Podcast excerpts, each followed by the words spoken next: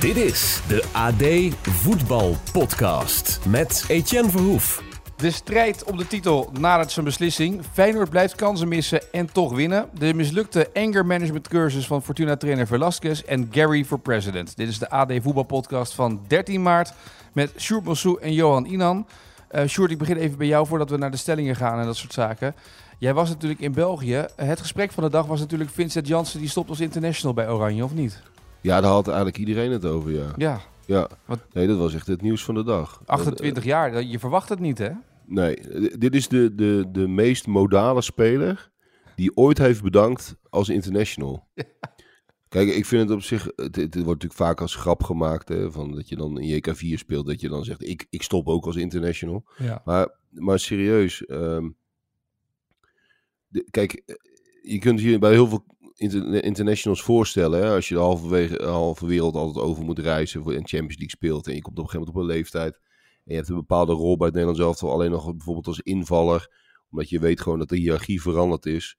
Maar als je in een bepaalde categorie valt, eh, namelijk de, de grote grijze middenmoot uh, van voetballers, uh, tot en met subtop, ja, dan bedank je natuurlijk niet voor Oranje. Nee. Wat is dat nou voor raar gedoe? Dat is toch krankzinnig? Ja. Echt. Dus ik vind het echt heel raar. Maar het enige wat ik kan bedenken is dat, en dat weet ik niet, dat, dat moeten we hem vragen. Maar dat Ronald Koeman uh, uh, door heeft laten schemeren van, joh, ik ga jou niet, uh, ik ga jou niet selecteren, jij bent niet mijn spits.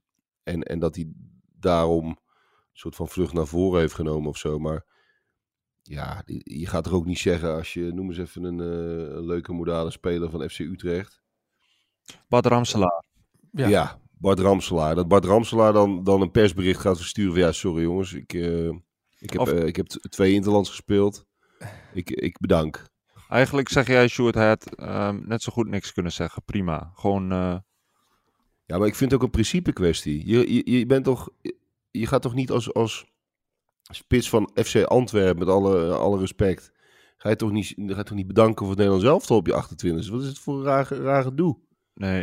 Eerst had Luc de Jong natuurlijk zijn pensioen aangekondigd als international. Toen dacht hij, dit is het moment. Nu kan ik ook gelijk zeggen dat ik geen international meer ben. Dat is dat. Ja, maar, maar Luc de Jong, dat is al, Ja. dat is in die zin nog op het randje. Maar dat, dat, hè, de, de- die zou eigenlijk ook gewoon prima door kunnen gaan als, als invaller bij Oranje. Waarom niet? Maar die heeft wel een bepaalde carrière gehad. En die heeft, die heeft wel eh, al veel meegemaakt. En die, die ziet ook gewoon van ja, ik ben de tweede pinchitter, zeg maar, achter eh, Weghorst.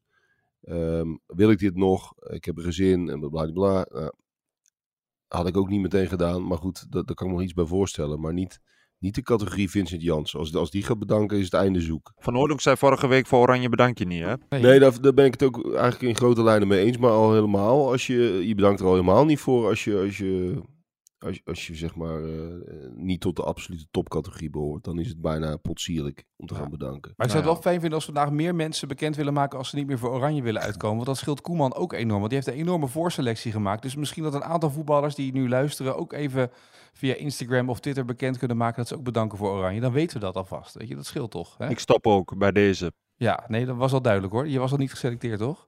Oké. Eh, overigens, Johan, de goal van dit weekend, Kvaratskhelia of niet? Bij Napoli. Ja, Wat Ja, een dat goal, was- hè? dat was een hele mooie goal. En ehm, ja, je kijkt er niet eens zo van op meer, hè? Bij, ehm, bij hem. Hij is zo, zo wendbaar, zo handig. Het, wat het mooi maakte, was dat er op een gegeven moment, op het moment dat hij schoot, dat er acht spelers ehm, eh, omheen stonden. Maar ja, goed, het is echt, eh, het is echt een heerlijke speler. Die, ja, die heeft dan een paar centimeter ruimte om nog, om nog uit te halen. En dan eh, mooi een dak van doel. Ehm, eh, in een topwedstrijd, volgens mij de openingsgoal ook. Met, ehm, daar was al volgens mij niet veel twijfel meer over. Maar ehm, ja, eh, voorschot op de titel ook. Ja. Ik moest een beetje aan Romario denken, gelijk bij die goal. Zoals iedereen omviel, toch? PSV Theo Boekarest. Ja, daar leek het een heel klein beetje op. Met Ja. commentaar van eh Even ten Napel, hè? Ja, ja. even ten Napel Die was, was, een toen, die was toen in topvorm, die, Die was, die avond. ja, dat mocht ook wel met al die goals van Romario toen. hè? En wie maakte die andere twee? Oeh, dat is een hele goeie. Fleming. Paulsen? Ja, dit is ook een klassieker. Jules Elleman. Jules Ellerman, ja. Ja. Die vraag komt aan het einde, hè? Ja, jammer jongens. Die hadden we mooi kunnen bewaren voor het eind. Voor Mico. Ja. Oh, ja. Nee, je hebt een andere vraag. Jij mag straks de andere vraag doen, eh, Johan. Dus eh, laten we snel naar de stellingen gaan. We gaan aan de hand van vier stellingen het hele weekend doornemen. Eh, te beginnen met eh, deze allereerste stelling. Ik ben wel eens kritisch op de aanvallers dat we te veel kansen missen. Als je dat vandaag eh, bijna elke kans was gelijk een goal. Ik denk dat we een fris Ajax hebben gezien, hoog baltempo, veel positiewisselingen, eh, nou ja, agressieve druk vooruit. Veel ballen veroverd en dan vaak ook de kortste weg naar de goal gepakt. Dus de eerste 30 minuten heb ik eh, enorm genoten van, eh, van Ajax. De allereerste stelling van vandaag. Johan, begin bij jou. Ajax kan stoppen met het zoeken naar een hoofdtrainer. Ze hebben hem namelijk al voor komend seizoen. John Heitinga. Ja, vind ik, vind ik te vroeg. Want ehm, Zeven Ze wedstrijden op rij gewonnen. ja, jawel. En ehm eh, Schreuder begon met zes zegens op rij. Hij nu eh, zeven. Maar ehm, ik moet, daar hebben we hier wel, heb ik hier vaker gezegd. Ik moet zeggen dat, dat zijn, ehm, zijn begin, laten we zeggen zijn, zijn eerste anderhalf maand als hoofdtrainer, die vallen mij ehm, behoorlijk mee. En daar was deze wedstrijd tegen Herenveen ook weer een voorbeeld van. Gewoon logische dingen doen. Een opstelling die, waar weinig, weinig verschil in zit. Waar Schreuder continu aan het, aan het husselen was. Daar houdt hij gewoon, hij heeft heel veel duidelijkheid gecreëerd. En ehm, ja, dat, dat werpt zijn, ehm, eh, zijn vruchten af. En ehm, je zag Ajax in het half uur. Dat was ja, een beetje, een beetje ouderwets qua, qua combinaties. Dat was heel, heel flitsend. Heel veel positiewisselingen. De druk hadden ze er, er heel goed op. Heerenveen wist echt niet wat ze ermee aan moeten. En dat was wel een beetje het Ajax van, van de voorbije seizoenen ook. Waarin ja, je vaak naar wedstrijden toe ging. Ook uitwedstrijden. Ehm, eh, en je in, in, laten we zeggen, in vier van de vijf gevallen ook wist van ja, weet je, ze gaan gewoon winnen. De vraag is alleen met, met hoeveel. En, en wat eh Schreuder de laatste, of uh, Heitinga de laatste wedstrijden tegen eh, Vitesse en NEC niet lukte. Wedstrijden vroeg beslissen, dat, dat lukte nu wel. En eh, ja, daar kunnen ze in aanloop naar de klassieker wel weer wat, ehm, wat vertrouwen uitputten. Maar om nou te zeggen dat hij de, ehm, de komende jaren ook de hoofdtrainer moet worden. Laten we wel wezen, hij heeft het nog niet, het heeft ook nog niet heel erg tegengezeten. Hè? Dus je moet eigenlijk, nou goed, ze zijn dan uitgeschakeld tegen, tegen Union Berlin. Hebben ze zich aardig, aardig herpakt. Maar je bent ook heel benieuwd, uh, omdat Ajax toch, toch een vrij com complexe club is, waar heel snel krachten loskomen. Ben je benieuwd um, hoe deze trainer de boel managt als het bijvoorbeeld in de eredivisie even tegen zit. Stel dat ze van, van Feyenoord verliezen, ja, weet je, hoe komen ze daaruit? En, en um, als die echt een flink, flink hoofd, hoofdpijndossier te pakken krijgt, zoals we dat bij Ten Hag hebben gezien met ja, noem, de hele rits maar op. Met Haller die niet werd ingeschreven voor de Europa League. Met een keeper die, uh, uh, die zich aan de verkeerde medicijnen bleek te hebben vergrepen. Met een speler die uit zijn bed werd gelicht omdat hij uh, zijn neef in de knie zou hebben gestoken. Dat soort dingen. Daarbij wel heel benieuwd naar hoe, um, hoe Heitinga dan zal doen. Maar um, ja, vooralsnog heeft hij, heeft hij voor zichzelf heel aardige papieren verschaft. En ja, ik denk ook dat, dat, dat die beslissing um, samen zal vallen met een eventueel kampioenschap of niet. Stel dat hij kampioen wordt, dan zal niemand intern en, en ook de buitenwacht niet uh, stellen van de trainer moet vervangen worden. Integendeel, iedereen zal bepleiten van Ajax heeft de trainer voor de komende jaren gevonden. Worden ze geen kampioen, ja, dan, um, dan zijn er toch twijfels en zullen er ook heel veel stemmen uh, klinken die zoiets hebben van, ja, weet je, er, er zijn nog betere trainers beschikbaar voor Ajax en, en daar moeten ze voor gaan. Sjoerd, uh, is John Heitinga de trainer voor Ajax, de hoofdtrainer voor Ajax de komende jaren? Hij heeft alleen Twente tot nog maar gehad. Als een beetje topwedstrijd. Top, ja, ja. ja, ook zoiets. Ja, ja nee, maar dat, dat lijkt me, dat, dat zegt toch alles. Dat, dat, dus je kunt die conclusie nog helemaal niet trekken. Misschien wel, misschien ook niet. Uh, het gaat de komende maanden blijken. En kijk, uh, ik snap dat het zo werkt dat als hij kampioen wordt, dan zullen ze hem eerder laten zitten dan als hij geen kampioen wordt. Dat is nogal logisch. Maar Um, maar dat is ook heel, opportunistisch, toch? Zeker, maar zo, zo opportunistisch werkt voetbal vaak. Maar ik wil er aan toevoegen. Als je bij Ajax uh, in de leiding hebt, dat, dat, dan, dan beoordeel je gewoon of de lat hoog genoeg ligt met de trainer Heitinga voor de komende jaren. En dat, uh, ja, dat, dat vraagt nogal wat. En, dan, en daar heeft Johan helemaal gelijk in. Dat kun je nu op basis van deze wedstrijden, uh, met maar één topwedstrijd, Twente, kun je dat nog niet zeggen. Nee, want wat me wel opvalt in zijn toon, uh, als je naar hem luistert, hij heeft altijd wel een beetje van die bravoure uitspraakjes erin zitten over hoe goed het is, hoe geweldig het is. Dat, dat heeft hij wel. Het is niet dat hij, ja, hij duikt niet weg. Onze, onze aller Ajax, hè? Ja. Nee, dat hoort een beetje bij Ajax. En, en dat, ik vind dat ook altijd wel grappig. En het slaat ook af en toe door. Of, eh, eh, regelmatig zelfs, dat, dat het echt lachwekkend is. Eh, Dat zelfvertrouwen. Ja. Maar dat is ook, dat is ook, dat is ook eh, folklore. Dus dat moet in stand blijven. En, dat, en dat, daar beantwoordde hij inderdaad aan. Hij zei toch vandaag ook zoiets? Van dat ze de, de- de- natuurlijk de favoriet waren tegen Feyenoord. Ja, een soort vanzelfsprekendheid. Ja. Nee, natuurlijk. En dan denk je, waar, waar is dat nou op gebaseerd? Hoezo natuurlijk? Ze, ze hebben nog geen topwedstrijd gewonnen. En, ehm, eh, of ge- geen topwedstrijd echt goed gespeeld. En, en eh, ze staan drie punten achter. Ja, nee, ik zou niet weten waarom Ajax natuurlijk de favoriet is. Ik zit nu te denken, ik loop er nu bijna drie jaar. Ik heb voor mij nog nooit een speler gehoord van die juist die favoriete rol naar de tegenstander toeschuift. Zelfs niet als ze thuis tegen Liverpool eh, spelen of zo. Zij, eh, ja, voor mij vinden ze allemaal dat ze wel lekker gedijen bij die rol. En dan komt ook, nou goed, dat zit, Erik ten Hag zei ook altijd, het zit een beetje in het DNA van, van de spelers ook. Komt ook een stukje gemakzucht bij, eh, bij kijken. Dat ze van jongs af aan al gewend zijn om te winnen. En, en ehm, ja, daardoor elke wedstrijd zoiets hebben van wie, wie maakt ons wat. En, en dat was een paar wedstrijden na de trainerswissel al zo. Laat staan nu, nu ze er in de Eredivisie 7, ehm 7 op rij eh, hebben gewonnen. Heitinga zei dat en eh Kenneth Taylor kreeg de vraag of hij alvast een voorspelling voor de klassieker wilde doen. Nou ja, dan moeten we even afwachten, zei hij, maar ik weet wel dat we gaan winnen. Nou ja, Dus dat is alleen lullig als je eruit dondert tegen Union Ja. Berlin. ja, Ja. Dan is het, dan is het ja, dan staat het Ja. een beetje, een beetje gek. Maar goed, ja, eh, dat, dat verder je zegt, dat je houden zegt, zo. dat je zegt van, eh, eh, ik verwacht niet dat we het oefenen op penalties nodig hebben. Ik denk dat we het in 90 minuten beslissen en dat je er vervolgens ehm, met 3-1 afgaat. Ja, goed. Ja. Overigens, eh, Johan, had jij een uitgebreid gesprek met eh, Michael Reiziger. Die was eigenlijk ook wel klaar om hoofdtrainer te worden. Hè? Eh, maar dat zag Ajax niet zo zitten. Eh, dat, is, dat is ook wel, maar hij zit toch gewoon op de bank als assistent-trainer nu. Ja, het is een, wat dat betreft een heel professioneel, loyale eh assistent-trainer. Je moet het een beetje, een beetje zo zien. Er zijn het a- afgelopen jaar twee trainerswissels bij, bij Ajax geweest. En in beide gevallen ehm, had, had Reiziger vergeefse hoop op, op promotie, zeg maar. Dat was eh, na de aanstelling van, van Schreuder al, of voor de aanstelling van Schreuder. Maar helemaal toen Schreuder werd ontslagen, ja, toen had Reiziger zoiets van, joh, ik ben kampioen geworden met, met Jong Ajax. Ik ben ehm, eh, drie jaar succesvol assistent van Erik ten Hag geweest. Ik ken deze groep. eh, vrijwel alle jongens kennen mij inmiddels.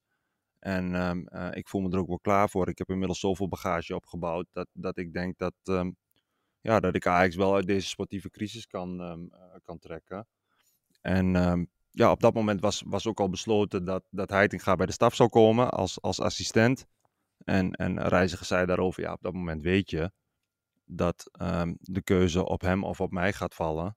En die keuze is op, op Heitinga gevallen. En ehm, ja, goed, daar is hij boos en teleurgesteld over geweest. Maar hij is dan ook wel ehm, ja, zo professioneel zoals hij het zelf noemt. En hij is ook een- clubman. ehm, dat hij de draad daarna weer snel oppakt. Hij heeft daar ook met, Schreu of met eh, Heitinga over gezeten. En Heitinga is daarin, ja, weet je, die, die proefde die teleurstelling ook wel. En die zei, eh, die zei ook tegen Reiziger van, joh, ik weet dat jij het ook wilde doen. Waarop Reiziger zei van, dat is ook zo. Maar de keuze is op jou gevallen. En eh, ik ben daar nu even boos over. Kan even een paar dagen duren, maar dan pakken we de draad weer op. En dan proberen we het samen aan de praat te krijgen. Dus ehm, ja, en, en dat heeft Reiziger al met al wel doen besluiten om te zeggen van, ik ga niet verlengen als, eh, als assistent trainer. De tijd is rijp nu voor mij om, eh, om mijn vleugels uit te slaan. En, en te kijken hoe, hoe ver ik het kan schoppen als, ehm, eh, als hoofdtrainer. Maar ik, ik snap de reiziger wel hoor. Ik, ik Mhm. kon het eigenlijk wel volgen. Eh, Ik snap ook met name als je zeg maar het cv hebt opgebouwd dat hij heeft opgebouwd. En dat is best wel eh, in orde natuurlijk. En je Ja. hebt een bepaalde leeftijd. Dat het dan ook steekt dat, dat je eigenlijk ook niet genoemd wordt. Dat Ja. iedereen eigenlijk maar aan je voorbij gaat. Ehm, en dat sluimert er natuurlijk Ja. wel een beetje, een beetje achter. Dat krijg je als, als donkere trainer dezelfde kansen. Dat, dat eh, benoemde hij niet letterlijk. Maar dat zit er natuurlijk ergens ook wel een beetje bij. Daar hoef je niet voor gestudeerd te hebben. En, ehm, nou ja, en die, die vraag mag best, mag best gesteld worden in, in, in zo'n voorbeeld als dit. En het is ergens best wel opmerkelijk dat, eh, dat, dat, dat, en dat geldt misschien voor ons ook wel. Hij, hij werd niet eens als optie benoemd. Nee. Eh, ook niet in de media of zo. En ook niet bij het publiek. Dat is ook Dat zo. is- Dat is best wel gek. Dat Eh, is ook en, zo. dat- en dan snap ik wel dat, dat dat ergens een beetje, beetje, beetje pijn doet. En, en dat je dat dan ook eh, uitspreekt, eh, lijkt mij prima. En dat deed hij op een prima manier, vond ik. Ja, en, en even concreet maken. Reiziger is kampioen geworden met jonge Ajax. Ehm, ik zei net al, heeft ehm ehm, Ten Hag jarenlang succesvol eh, geassisteerd en ook geholpen met, met het kneden van, van succesteams, zeg maar. En ehm, dan moet je je verplaatsen in Reiziger zelf. Wie wordt dan de opvolger van Schreuder, de trainer die nota bene 15e staat met, met Ajax in de, in de keukenkampioen-divisie en ook nog niet bij het eerste elftal heeft, heeft meegelopen. Ja, dan, dan kan ik mij wel voorstellen dat je, dat je als trainer zoiets hebt van, eh, ja, en ik dan? Ja, en, en ook de vanzelfsprekendheid waarmee, waarmee Heitinga Ja. wordt doorgeschoven. Hè? En ook de vanzelfsprekendheid waarmee, kom ik ook weer met de, bij de media en het publiek, eh, dat zeg maar ontvangt als ja, logisch. Hè? En, en, en, en dat dan niemand is die zegt van, hé, maar eh, en wat about, what about the reiziger? Ja, Ja, dat is, dat, Ja. Ik, ik kan hem wel volgen hoor. Ja, Ja. en, en ehm, goed, weet je, daar, daar wilde hij verder niet over uitweiden. Maar ik weet inmiddels wel ook in de manier waarop eh, voor Heitinga is gekozen. Ook dat heeft hem eh, heel erg gestoken. En eh, weet je, dat is ergens ook ch- chic, vind ik. Dat hij ehm, de vuile was nu niet eh, bu- buiten wil hangen. Ehm, maar goed, je, weet je, je, kan, je kan van mij aannemen dat, dat dat op een manier is gegaan waarbij je, eh, waarbij je als assistent-trainer zoiets hebt van, maar wat is dit dan? Waar ben ik nou beland? En, en dat, dat komt er eigenlijk op neer dat, ja, dat het ene directielid lid in eerste instantie dit zei en vervolgens een andere kwam die zei van, nou weet je, ehm, eh, John gaat het gewoon doen. En, en daar is Reiziger gewoon, ehm, ja, weet je, daar, daar heeft hij gewoon zijn vraagtekens bij gehad en daar heeft hij ehm, de clubleiding ook mee, eh, mee geconfronteerd. Die hadden vervolgens als uitleg van ja, we willen een, eh, een frisse wind laten waaien. Ook zo'n ook eh, cliché-term. Ehm, en we willen een nieuw gezicht voor, hem voor de groep hebben. Nou goed, en daar, daar was hij heel kwaad over. En daar heeft hij zich, ehm, heeft hij zich overheen gezet. En ja, goed, hij wil nu de komende maanden wil hij, ehm, wil hij de rit bij Ajax ehm, netjes uitzingen. En van daaruit kijken, dan hoopt hij op de Eredivisie. En ehm, ja, ik sluit ook niet uit dat er een club is die, ehm, die het wel in hem ziet zitten. Ja, dat is niks voor Ajax, omdat het de ene persoon A zegt, de andere persoon B als het Ja, gaat om benoemingen en zo. Dus dat is niet echt in de lijn van het afgelopen jaar wat we gehoord hebben allemaal. Nou, het, hè? past, het past er precies in, hè? Precies. Eh, de, in, in de communicatie en de omgang met, met mensen die, ehm, eh, werknemers die, ehm, ja, die, die de club al, ehm, al jaren op een hele goede manier eh, dienen en eigenlijk, en eigenlijk een, een veel, veel betere benadering toekomt. We gaan naar eh, de volgende stelling. Ajax won met 4-2 bij Herenveen. Feyenoord won ook. De koploper zei het met moeite in de eigen kuip van Volendam met 2-1. Aanvallend hadden we wel weer eh, ja, genoeg balbezit. Maar dit keer waren verdedigen niet scherp. En dan eh, ja, in de counter kwamen ze heel dag ja, tot een kans eigenlijk. En daar komt ook een doelpunt uit. En dat is iets wat eerste helft niet goed ging. Tweede helft hebben we dat beter neergezet denk ik. En ik kan elke week eigenlijk een cassettebandje opzetten en dan kan ik hier spreken. Ik ben wel ik ben aardig klaar met de hele dag achterkomen. Goed, hij is er klaar mee om achter te komen. Kukshoe bij ESPN, de afloop van de wedstrijd, zoals je hoorde in het stadion. Sjoerd, stelling 2. Eh, Feyenoord is favoriet voor de klassieker. Ja, die zijn natuurlijk de favoriet voor de klassieker. nee, ja, god, nee. Het, het wordt, wat mij betreft wordt het echt een 50-50 wedstrijd. Ehm, je kunt het op twee manieren bekijken. Ajax speelt natuurlijk thuis. Eh, dat is nogal, nogal wie, dus dat je dan een eh, licht voordeel hebt. Van de andere kant heeft- heeft Feyenoord een soort mentaal, eh, mentale voorsprong. Simpelweg omdat, eh, omdat ze alle tegenslag eh, tot nu toe eh, hebben overwonnen. Ze, dit, geeft ook weer vertrouwen. Ook als je een slechte wedstrijd speelt en hem toch wint. We kennen het cliché. Dat tekent vaak de kampioen. Ehm, en, en dus dat vertrouwen zullen ze in Rotterdam ook best wel hebben. eh, op weg naar die wedstrijd tegen Ajax. Nou ja, het voetbal is van Feyenoord natuurlijk over de hele linie. is niet altijd goed geweest. De laatste twee, drie weken is het allemaal iets moeizamer. Maar hè, als het erom ging, dan, dan, dan waren ze bijna altijd goed genoeg. Nou ja, met dat idee zullen ze ook naar, naar Ajax gaan. Ehm, het is wel zo dat, dat ehm, nou ja, je kunt, je kunt zeggen dit is een typische kampioen. De manier waarop ze het steeds ombuigen en ook vaak in de slotfase natuurlijk eh, geweest. Ehm, je kunt ook denken van ja, eh, is de rek er niet uit. Het wordt wel stap voor stap ietsje moeilijker.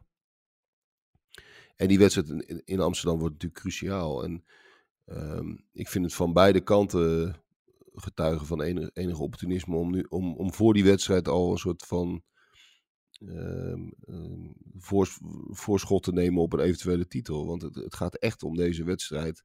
Die gaat, die gaat het- het verloop van het seizoen eh, ja, zijn definitieve wending geven. Ga- Gaat die, beslis, gaat die zo beslissend zijn? Dus als Feyenoord wint, dan zijn ze weg. Dan, dan, zijn, dan kunnen ze gaan eh voorsorteren op de goal single. En wint Ajax, dan, dan is Ajax de ploeg die kampioen gaat worden. Als Feyenoord nou- wint sowieso, denk ik. Ja, Ja. precies. Als Feyenoord wint. Want die hebben daarna hebben die een, een- een prima programma. Een gemakkelijker programma dan, eh, dan Ajax. En dan, dat, dat geloof ik ook wel, dat het dan een dusdanige boost geeft dat je het seizoen uit, uitzinkt met, met die voorsprong die je dan hebt. Als Ajax wint, eh, wordt het sowieso spannend. Maar dan verandert vind, wel ook meteen het hele mentale verhaal. Hè? Want dan, dan wordt Feyenoord Ja. opeens de achtervolger. En, en dan, dan, dan komt er een soort eh, eh, fatalisme bij. Hè? Van eh, we gaan het toch weer net niet redden. En daar moet je ook allemaal weer mee omgaan. Dus het wordt wel echt een, nou ja, om, eh, om het aan Arne Slot te, ko- te koppelen, een sleutelwedstrijd. Als je ziet de kansen die Volendam kreeg, Johan, in die wedstrijd tegen Feyenoord. Die hoef je aan eh Bergwijn niet te geven, dit soort kansen. Die, die, gaat, die schiet ze niet naast als Veerman. Nee, dat klopt. Dat, Maar aan dat- de andere kant, weet je, daar kun je, daar beredeneer ik vanuit Ajax. Als je ziet hoe Ajax die, die voorzitter vanaf de zijkant verdedigt. Ja, ja. Als je dat tegen Feyenoord doet, dan is het automatisch ook eh, twee, drie keer kassa. Want die komen nog net iets vaker dan Heerenveen op de helft van, eh, van Ajax, denk ik. Dus, en Bergwijn heeft ze toch ook regelmatig naast geschoten dit seizoen? eh, ja, ja, maar de Ja. laatste week is hij weer in topvorm, hè? Stevie, dus het was dat die tweede goal van Stevie er niet in ging, zoals John Heitinga Ja. zei. Want dat had hij hem zo gegund. Ja. Stevie. Ja, Jij noemt hem ook al Stevie. nee, ja ik quote, hè? Quoterecht is dit, ho, ho.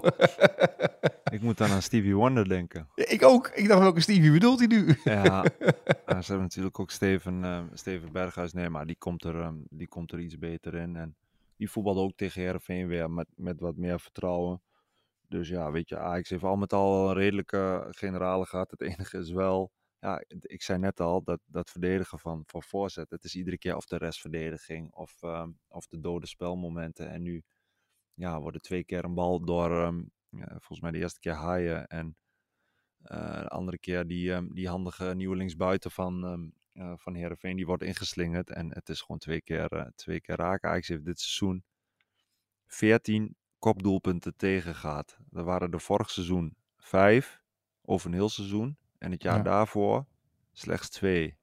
En eh, ja, dat, dat geeft wel aan. En dan, weet je, dan is het tegen, tegen Heerenveen, daar ben je nog veel dominant. Heb je 60, 65 procent balbezit en ben je veel op de helft van de tegenstander. Maar dat wordt heel interessant tegen, eh, tegen Feyenoord ook. We hebben bij de eerste klassieker gezeten en daar had Feyenoord toch wel, ehm, toch wel de overhand.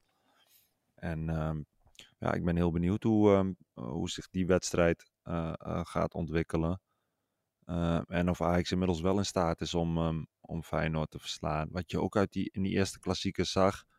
En dat, dat zie je de laatste weken ook heel erg bij, bij Feyenoord terug. Je kunt ergens zeggen van het is gelukt dat ze die wedstrijden in, in, ehm, in de laatste fase steeds alsnog beslissen. Maar het zit hem ook een beetje.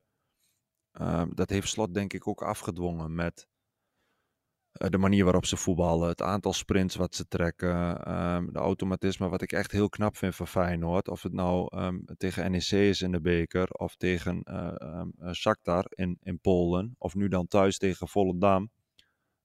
Als ze achterkomen, dan kunnen ze wel eh, op de een of andere manier die toerenteller kunnen ze sneller laten draaien en echt om de paar minuten een, een redelijke tot, tot goede kans eh, eh, creëren. En ja, dat, dat is wel heel knap. We hebben hier in deze podcast, ik heb Sjoerd volgens mij ook wel een keer horen zeggen van als je kijkt naar de aanvallers van Feyenoord en die vergelijkt met, met die van vorig seizoen. Sinisterra was voor Feyenoord begrippen top, Cyril Dessus ook. Nu hebben ze zes, zeven aanvallers waarvan we eigenlijk allemaal zeggen van net niet. Die is wisselvallig, die is voorspelbaar, dat is een momenten eh, voetballer. Maar ze hebben allemaal hun waarde en, en zeker in dit soort wedstrijden waarin ze ja, toch, toch de tegenstander ook een beetje kapot, kapot spelen. En dan gooit hij er nog twee, drie bij. En ja, zo, zo laat ze tegenstanders ook bezwijken. En eh, ja, ik ben heel benieuwd hoe, ehm, hoe dat tegen Ajax zal gaan. En hoeverre Ajax in staat is om zich ehm, eh, tegen, tegen die intense ploeg zeg maar, te wapenen.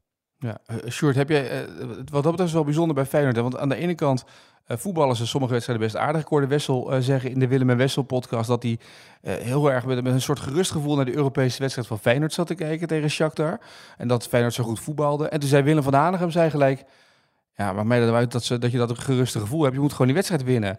en dat is, die, die, kon het die interesseert het helemaal niet hoe mooi het was. Het gaat niet om mooi, het gaat om die wedstrijd winnen. Dat is een beetje ook wel wat het is, toch, uiteindelijk? Ja, maar dat doen ze in de meeste gevallen doen ze dat, uh, ja, toch wel. Ja, ze doen het ook wel. Dus dat is de andere kant, ja. Maar... En wat Johan zei over die aanvallers net. Uh, Jiménez uh, wordt wel een leuke spits, hè? Ja. ja. Die heeft even aanloop nodig gehad. Ehm, is ook logisch, komt uit een heel andere voetbalcultuur. Dus nu wel een soort ja, Henny Meijer, annex uh, René Eikelkamp. In de zin dat zo'n speler die heel slim zijn lichaam gebruikt, weet je wel. Dat je, Bombarda. Dat, dat, ja, Bombarda ja. had dat ook. Altijd de goede kant op draaien en dan, en dan eigenlijk niet bij de bal kunnen komen als verdediger. Ja. En dat heeft Jiménez ook, die slimheid. Dat is wel mooi om te zien. Dat belooft ja. wel wat. Deze week gaan we er uitgebreid nog op vooruitblikken op die wedstrijd Ajax Feyenoord natuurlijk in de AD Voetbal podcast. Uh, maar ik wil graag even naar stelling 3, want er is nog genoeg ander voetbalnieuws dat we kunnen doornemen. Emotion, emotion, emotion moment. Sorry because I don't like this emotion moment, but this is very serious. Is is the is the job. You, you, uh, we are persons. We have a, a family, and this is very very serious and. And it's important have uh, respect everybody. Ja, dit was de, de trainer van Fortuna Sittard bij de NOS, Velasquez. Uh, deze stelling is uh, met uh, gejat van Hugo Borst. Die zei het zelf al bij ESPN zaterdagavond het zien van de beelden van Velasquez. En dus, Johan, stelling 3. Velasquez is de schandvlek van het Nederlands trainerschilde. Ja, dat lijkt me niet zo ingewikkeld toch? Als je naar zijn, naar zijn gedrag kijkt en dat afzet tegen zijn 17 collega's ja, dan is dit wel. Um, dan is dit, vrienden zouden zeggen, deze trainer is het meest para. Para? Zegt, ja, para, paranoia. Hij is heel, oh. uh, heel snel doorgedraaid en uh, ja, een beetje, een beetje Turks temperament heeft hij ook, hè? Nou. Met, uh, met hoe die te kennen. Het is niet, het is, ja, weet je, voor mij noemde Hugo hem ook proleet. Het is gewoon een, een, een recidivist. En weet je, dit kan een keer als je, noem eens wat, in de laatste minuut een, een, um, een wedstrijd verliest, een belangrijke wedstrijd, um, dat je dan je frustraties botviert op, op uh, de, de koud, oké, maar bij hem is het keer op keer. En, en dan zit hij bij een club als Fortuna, die toch wel um, ja, zo'n 20, 20 van de 34 wedstrijden verliezen. Ja, om dan iedere keer het glas van de koud uh, uh, te gaan vervangen. En, en los van alles, weet je, de, er kijken zoveel mensen naar, zoveel kinderen ook. hij ja, zijn, zijn voorbeeldfunctie. Uh, hij geeft gewoon een heel slecht voorbeeld, vind ik. En, en dat, precies dat, precies ja. dat. En dat is, ja. Sjoerd even kleiner, die kan denk ik nog beter uh, uh, beoordelen. Die zien dat en denken, wat is dit nou? En ja... Hij heeft het notabene over zijn familie, ja. in ja. die quote. Ja. En dan denk ik van, nou, nu gaat hij iets, uh, nu gaat hij aan zelfreflectie doen. Maar ja. dat doet, hij doet het tegenovergestelde. Hij praat het eigenlijk juist goed van, we hebben een familie, dus, dus daarom... Ja, nee, want het nou, mooiste... slaat die natuurlijk uit kapot. Het mooiste was ja. op het einde van die quote zei hij ook nog... Uh, ja, dit is een, ik snap dat dit een mooi verhaal is voor jullie, maar het is helemaal niet belangrijk. Het gaat om die wedstrijd die gespeeld is. Ja, dan moet je zelf niet zo tegen die dugout staan rammen natuurlijk en nee, de pionnen deze man, deze man moet echt in een dwangbuis, joh. Dit, dit, dit, dit slaat er helemaal nergens meer op. Maar ook als club moet je dit toch niet accepteren? Kom op, man. Ja, maar dit... daar, daarvoor zit hij bij de verkeerde club, Sjoerd. Het lijkt mij niet, niet dat Fortuna nou een clubleiding heeft die, um, die hem de volgende dag op het matje roepen en zeggen van, joh... Nou, dan hebben ze een waardeloze clubleiding. Ja. Want, want, want dit, dit, dit, je staat gewoon voor lul als club met zo'n figuur. En het is inderdaad, precies wat Johan zegt, het is echt niet erg als je emotie een keer toont. Als, als het een keer uh, vreselijk tegen zit. We hebben heel veel trainers wel eens zien doen. Ja. En dat hoort er ook bij. En dat, dat, dat, daar hoef je iemand echt niet meteen op te veroordelen. Maar dit is wel, wel gebeurt nu zo vaak. En het is, het is zo totaal idioot gedrag. Dat is ook eng, hè? Als hij staat te slaan, zeg maar, tegen de dugout. Je denkt bijna, Ja. wat, wat, het, is, het is heel... Het is krankzinnig. Ik, ik, ik kan me herinneren dat Robert Maaskant ook een keer een dugout eh kapot sloeg. Mhm. Dat was eh, bij NAC tegen Dordrecht. Het was een hele belangrijke wedstrijd tegen degradatie. En Dordrecht maakte geloof ik... NAC was, ik geloof, 80 minuten beter. en, en die Dordrecht maakte in 10 minuten opeens twee goals. Cruciaal. Degradeerde uiteindelijk ook mede door die wedstrijd. Maar dat... Kijk, in zo'n opwelling... Even los van of het Maaskant is of iemand anders... Kan ik me daar nog iets bij voorstellen. maar dit, dit, dit is een soort. Dit, dit is een soort. eh, ja, wat, wat is het? Het is gewoon een gek. Ja. Maar ik vraag me echt af, hoe gaat het op een training dan? Als iemand dan een verkeerde paas geeft, doet hij dit dan ook zeg maar de hele tijd? Staat hij ook te rammen op, de, op, de, op het muurtje waar hij tegen staat of weet ik Heb veel wat? heb ik wel aan gedacht. Ja? Dat, dat, ja, je, je moet je ook voorstellen. Tuurlijk, weet je, dit, dit zit in het aard van het beestje. En als er tij- tijdens trainingen dingen fout gaan, dit lijkt mij echt het type wat, eh, wat continu zijn spelers loopt uit te kafferen. En, te- en daar ga je ook niet beter van voetballen. Want, Nee, maar neem ook niet meer serieus toch op een gegeven ja, moment? dan loop je op het veld met, met het idee van, eh, oh, als ik maar geen foute bal geef, dan heb ik die trainer, eh, die gekke trainer weer op mijn, eh, op mijn dak. En ja, zo, hij oogt wel als, als zo'n type. En ja, het is gewoon. Ik vind wat Sjoerd net ook zei, hè, met de Maaskant bijvoorbeeld. We hebben ook wel eens gezien dat spelers van het veld werden gestuurd. En dan worden ze, zo gaat het tegenwoordig, worden ze in, in de catacomben nog gevol, gevolgd door de camera's. En dan ramt er eentje tegen het glas aan. Wie was dat? Die had toen ook ehm, eh, zijn hele hand bezeerd en, en eh, vol onder het bloed zitten. Ja, het gebeurt dat- vaker hè, dat die jongens ja, als inderdaad dat daar... eh, incidenteel gebeurt, ja. dan, dan kun je er nog enigszins de schoonheid van, van inzien. Want weet je, dan, dan, dan kun je zeggen voetbal is emotie. Maar dit, dit heeft niks meer met, met emotie te maken. Dit is gewoon, eh, ja, dit is gewoon een trainer die een dramatisch voorbeeld geeft aan, eh, aan iedereen. En als die dat, dat in Spanje gewend was, ja prima. Maar hier houden we er toch iets andere normen en waarden op na. Ja, dus- bovendien, en, eh, kijk, er zijn ook trainers die, die geloven erin dat als je een ploeg heel erg op deze manier, heel erg emotioneel aanmoedigt, dat dat helpt. Hè? Daar, zijn meerdere voorbeelden van. Guardiola doet dat ook. En, eh, Simeone. Simeone natuurlijk. En, dus- en Hiballa en dat soort types. En, dat is op zich eh, niet per se erg. Ik bedoel, daar, daar kun je ook af en toe om lachen. En dat gaat ook af en toe over de top. Maar dit is gewoon, gewoon wangedrag. wa- Wat Ja. je hier ziet. Dit is gewoon zoals je eh, je hoort te gedragen in, in bepaalde functies. eh, en zeker in een functie van een trainer of verantwoordelijke functie. Dat- dit moet je no- nooit accepteren. Hebben die bij, bij Kloes in de, in de Champions League ook een keer gehad dat die trainer daar dat hele, eh, die hele dugout kapot trapte, of niet? Oh, Was dat iets vorig jaar of twee jaar niks- geleden? Staat mij niks van bij. Oké. Maar Sjoerd, heb je in de afgelopen jaren zo'n trainer op deze manier meegemaakt? Nee, dit is wel, wel een van de meest extreme gevallen, geloof Ja. ik. En ehm, nou ja, eh, nogmaals, eh, hier staat als club gewoon voor joker. Ja, hier is is dat trainer van. Kloes in 2010. Na een verloren wedstrijd tegen Basel, eh 1-0. Toen trapte hij de ruit in van de dugout en werd hij gelijk ontslagen ook trouwens door de club daarna, door Kloes. Nou ja, maar moet je eens kijken. dat, dat, dat statement, eh, dat mag bij Fortuna ook nog wel komen. Die hoeft die man niet te ontslaan, dan moet je, dat moeten ze zelf beoordelen. Daar pleiten we niet voor. Maar je moet als club wel laten voelen van ja, dit kan gewoon niet meer. En, en die spelers die, die, zien dit ook, hè, die schamen zich ook hè, voor zo'n gek. Ja, dat denk ik ook, ja. Sorin Kartu Ra- heette die man trouwens. Rankovic moest ik nog aan denken. Die, van die documentaire waarbij die, eh, wat is dat, de tactische bord eh eh, omverslaat. In, Ja. de kle- in de kleedkamer. Waarbij die, die spelers ook met, met angstige oogjes ziet Was dat bij. ADO? Was het bij ADO of bij Sparta? Een van beide. Volgens mij bij ADO, ja. Maar inderdaad, ik snap wat je had vorig jaar natuurlijk die trainer van ADO die, die compleet het hoofd verloor Oh ja. eh, tegen Excelsior. Ja, Ja. Ehm, maar dat, dat snap ik in zo'n krankzinnige wedstrijd waarin zoveel op het spel staat, snap ik, eh, snap ik dat wel ergens nog. Het kan zijn dat, dat een trainer af en toe zijn emoties niet meer de basis is. Maar als dat structureel wordt, ja, dan is er sprake van, eh, van wangedrag. En dan moet de clubleiding ingrijpen. Dus ehm, voor mij, het lijkt me wel dat de clubleiding van Fortuna nu een keer aan zet is, ja. nou, eens kijken wat ze gaan doen. Gaan wij eh, naar eh, de vierde en laatste stelling van deze podcast. Have you spoken to the BBC yet, Gary? Is this the end of your presenting career, Mr. Lineker? You'll get run over, be careful. Ian Wright has tweeted to say he will not appear on Match of the Day tomorrow night in solidarity with Gary Lineker. He's told people everyone knows what Match of the Day means to him, but in support of Lineker, he will not be on the show. Dus luidt stelling 4, speciaal voor jou, Short. Ik boycott Match of the Day ook. Ja, dan zullen ze van onder indruk zijn. Ik denk het wel, ja.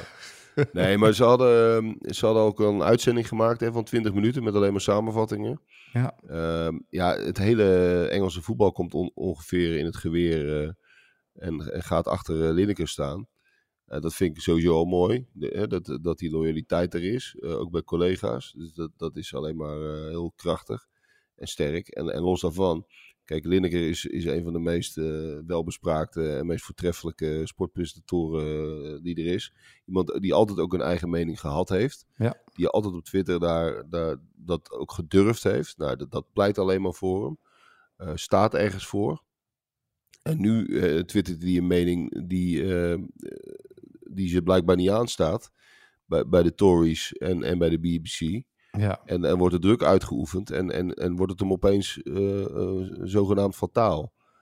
Ja, het is, het is een gênante zaak. Ehm, je kun je voorstellen dat het in Nederland ook tot heel veel heisa zou leiden. Ehm, maar ja, nee, volkomen eens met, eh met Lineker en zijn, en zijn vrienden. Kijk, en nog los van de opmerking die die maakte, of je dat nou politiek mee eens bent of niet, dat doet er eigenlijk niet zoveel toe. Waarom zou, zou Lineker zich niet gewoon uit mogen spreken? Eh, graag zelfs. Ja, het ging om dat hij eh, vergeleken het immigratiebeleid van het Verenigd Koninkrijk op dit moment met hoe eh Nazi-Duitsland in de jaren 30 dat deed. Daar, daar ging zijn verhaal over. Eh, Ja, indi- in- indirect. Ja, indirect ja. precies. En in, in, in Engeland zeggen ze dan ook, ja, maar waarom mocht hij zich dan wel uitspreken over het regime in Qatar bij het WK voetbal? Dat mag dan wel, maar nu het ineens heel dichtbij komt Ja, bij de baas van de BBC. En dat heeft ook met, ehm, met de top van de BBC te maken. Hè? Met, Ja. met die nieuwe leider die eerder al. Dat is ook volgens mij recent naar buiten gekomen. Dat die ehm, Boris Johnson een, eh, aan een lening van 8 ton eh, had geholpen. En, en volgens mij zit er in die BBC-top nog meer ehm, politiek gezien conservatief georiënteerd zijn. Dit was gewoon eh, voor hun een manier om te zeggen van wij, gaan, wij gaan nu even laten zien dat, dat dit niet getolereerd wordt. En zij hadden denk ik ook op de steun gehoopt en gerekend van eh, al die Brexit-aanhangers. Maar daar hebben ze zich lelijk op verkeken, want ze hebben eh, ander, ge- ander Engels gemeengoed eh, hebben ze gezeten. Dat is namelijk de, de pure voetballiefhebber. Dat hebben we ook gezien toen, ehm, toen die Super League ehm, tot stand moest komen. En, en Engelse clubs, Engelse topclubs daaraan eh, mee, mee dachten te kunnen doen. En onmiddellijk allerlei opstanden daarmee ontketenen. En dit is ja, misschien wel een beetje hetzelfde. Dat, dat als je aan het pure Engelse voetbal zit. Ehm, ja, weet je, dan krijg je, dan krijg je de hele eh, publieke opinie tegen je. En ehm, eh, volgens mij, as we speak, eh, kwam ook het bericht door dat hij waarschijnlijk volgende week alweer eh, de uitzending van Match of the Day gaat, gaat presenteren. Hè? Ja. Ja, ze zijn met hangende pootjes weer naar hem teruggegaan Ja, natuurlijk. ja. Want dit kunnen ze, natuurlijk, kunnen ze zich natuurlijk ook helemaal niet permitteren. Maar eh, het Ja. is een interessante zaak, interessante Ja. kwestie. Nou, het was meer zeg maar ook, ik zat me te bedenken, stel dat Tom Egbers, oh nee, dat kan natuurlijk niet. Ik kan natuurlijk niet, niet zeggen dat Tom Egbers een tweet eruit gooit, want dat is natuurlijk niet heel handig. Want als we het dan toch hebben over media, wat er allemaal gebeurt, hè? de NOS Ja, komt er ook zit- nog even bij. Hij zit, hij zit niet meer op Twitter, hè? Prima Nee. de luxe. Nee, Prima de Luxe zit niet meer op Twitter. Nee, lijkt me ook wijs. Maar dat is ook wel weer een verhaal, toch, Sjoerd? Als je dan hebt aan de ene kant Match of the Day, aan de andere kant heb je dan de, NOS met de sportredactie.